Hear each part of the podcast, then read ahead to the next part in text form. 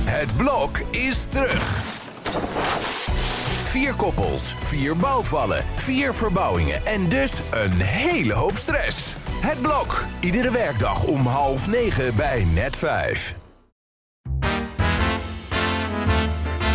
Dit is Strik Privé, de dagelijkse showbiz-update met Jan Uriot en Jordi Versteegde.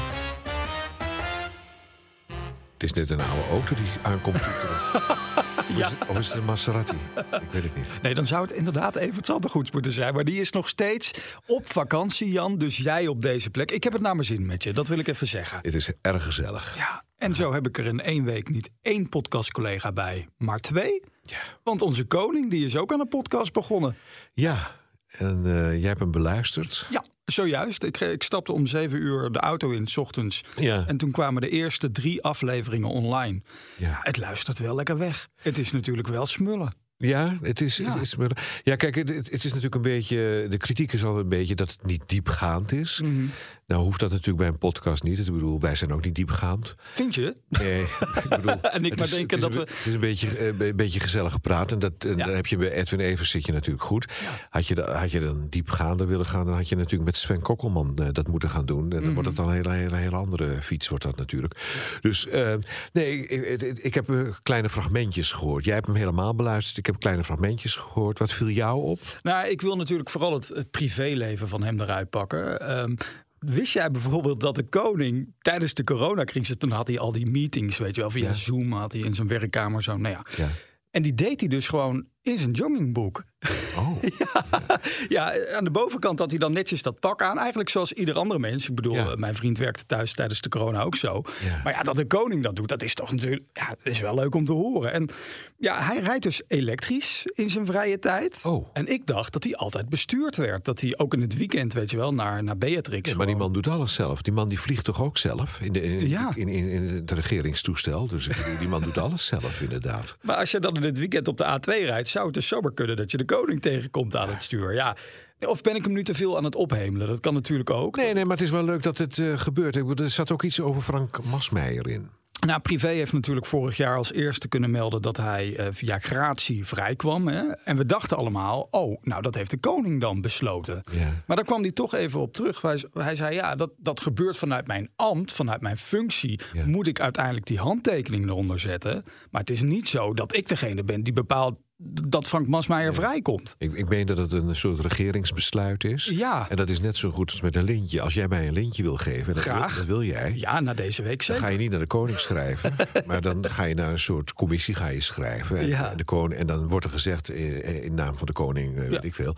Dus zo, zo werkt dat natuurlijk ook met die gratie dan inderdaad. Maar vind jij dat je een lintje verdient inmiddels, Jan? Nee, ben je gek? Waarom zou ik? Nou, Nee hoor, Ik bedoel, eh, jouw staat van dienst hier bij de privé, dat is eh, inmiddels, ik bedoel, hè? dat is al heel lang. Dus 25 jaar krijg je dan een lintje. Nou goed, luisteren dus naar de podcast van de Koning met Edwin Evers. Ja. Alhoewel, we moeten niet te veel reclame gaan maken voor andere podcasts. Nou, het is maar 20 minuten en het is maar drie keer geloof ik, toch? Nou, in totaal zijn er tien afleveringen, maar de eerste drie staan nu. Oh, zo. Nou, gisteren ging ik natuurlijk vanuit deze podcaststudio direct door naar Rotterdam. Ja. Naar Ahoy voor de Bevers. Ja. Want zij gaan daar staan op 30 september, op mijn verjaardag trouwens. Dus een mooi verjaardagsfeest met een nieuw concept, een huiskamerconcert. Nou ja, ik dacht, wat moeten we daarvan verwachten? Want Ja. Kees, wat gaat hij dan doen? Ja. Dat is de vraag natuurlijk. En daar heb je antwoord op gekregen. Hij gaat inderdaad, ik, ik voorspelde het al, maar hij gaat eh, stofzuigen. Want ze gaan doen alsof het hun huis is, de- Oh. daar op het podium. Dus hij gaat eh, stofzuigen. Maar er viel mij toch nog iets anders op, Jan. Het is toch een beetje een rare relatie, John en Want? Kees. Nou ja, John is natuurlijk een stuk ouder, is 57. eh, Kees is eind 30. Ja. Maar het is eigenlijk qua rolverdeling een beetje andersom. Het is Kees die een beetje vadert over John. En Oh. ja, Oké. die huppelt daar echt eh, rond. eh, eh, Maar, heel wat, maar wat krijgen we daar te zien? Want dat vroeg gisteren aan je. Gaan we Corrie Konings daar treffen? Dat wilde hij nog niet verklappen, maar ik merkte wel aan hem Johan dat- Derksen? Vliegt hij in? Nou, dat zou leuk zijn. Dat is Nou, dat natuurlijk denk een ik dus huisvriend wel. van John. Anders krijg je de Ahoy niet vol. Nee. Maar daar zit wat aan. Oh, Want eh, het is niet de grote zaal van het Ahoy. Nee. Het is heel makkelijk roepen van ik sta in de Ahoy, maar dan sta je in een hele kleine zaal. Ja. En dat is hetzelfde als met Carré. In Carré hebben ze een kleine zaal, dat weten een hoop mensen niet. Maar op de zolder Mhm. van Carré. Daar is een kleine zaal. En er zijn er dus mensen die zeggen: Ik heb een Carré gestaan. Maar dat is dus inderdaad. Er zitten maar eh, wat zitten er? 45 stoeltjes zitten daarin. Ja. Dus dan heb je ook in Carré gestaan. En dat is eigenlijk met John een beetje hetzelfde. En daar heb jij ooit opgetreden, daarboven. in die Nee, doel- nee, nee, maar ik heb wel inderdaad heel veel eh, studenten die van de academie bij Frank Sanders vandaan komen. Die geven daar dus een eindejaarsdingen. En ik denk, van, nou in Carré, nou al. Ik bedoel, je bent net van school. Ja. Maar dat eh, kan daar dus dan. Ja. Nou, gisteravond wel in de grote zaal. Nick en Simon. Nou ja, ik kwam aan rond een uurtje of twaalf daar bij Ahoy. Nou, de eerste fans stonden al voor de deur. En uiteindelijk om acht uur ging het los. Even een fragment.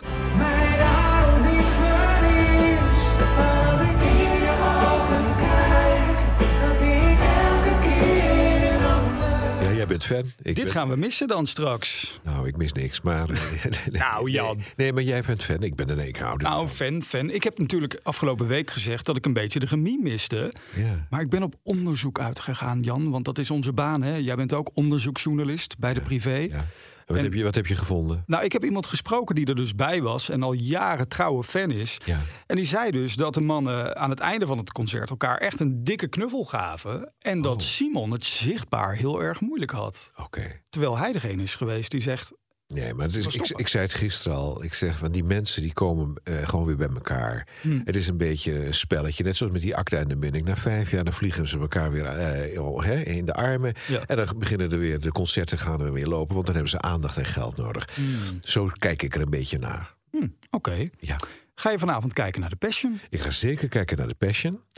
Daar zit mijn grote vriendin Marlijn Weerdenburg. Die Moest gaat... je die naam nou echt even opzoeken, Jan? Ja, want ik zeg steeds Marlijn van Weerdenburg. maar- Dus ik moet even heel goed kijken. Oh. Ja. Want ik wil geen ruzie met deze dame hebben. Ze speelt Maria.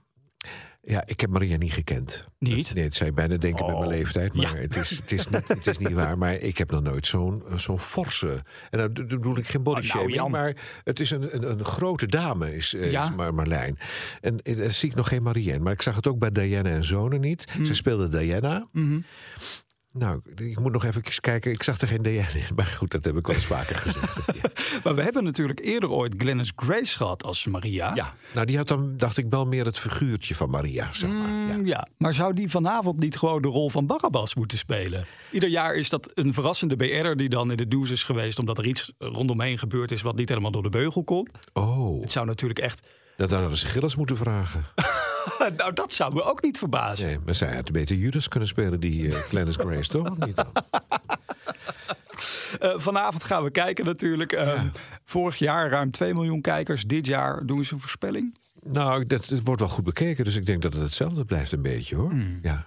Luister jij eigenlijk ook wel eens naar de podcast als ik hem met Evert doe? Want dan weet je wat ik nu ga vragen aan de luisteraar namelijk. ja, natuurlijk. En dan, eh, maar over mij geen privévragen. Hé, Jan. Nee, kom op. zeg. Nou, je werkt bij privé. Ja, maar dat, dat, dat- ik weet hoe het werkt. Nou, dan ga ik nu extra een oproep bu- doen. Want wil je inderdaad een vraag stellen aan Jan in eventjes aan Jan vragen morgen? Dan kan dat via podcast.telegraaf.nl. En stuur dus vooral privévragen in, mensen.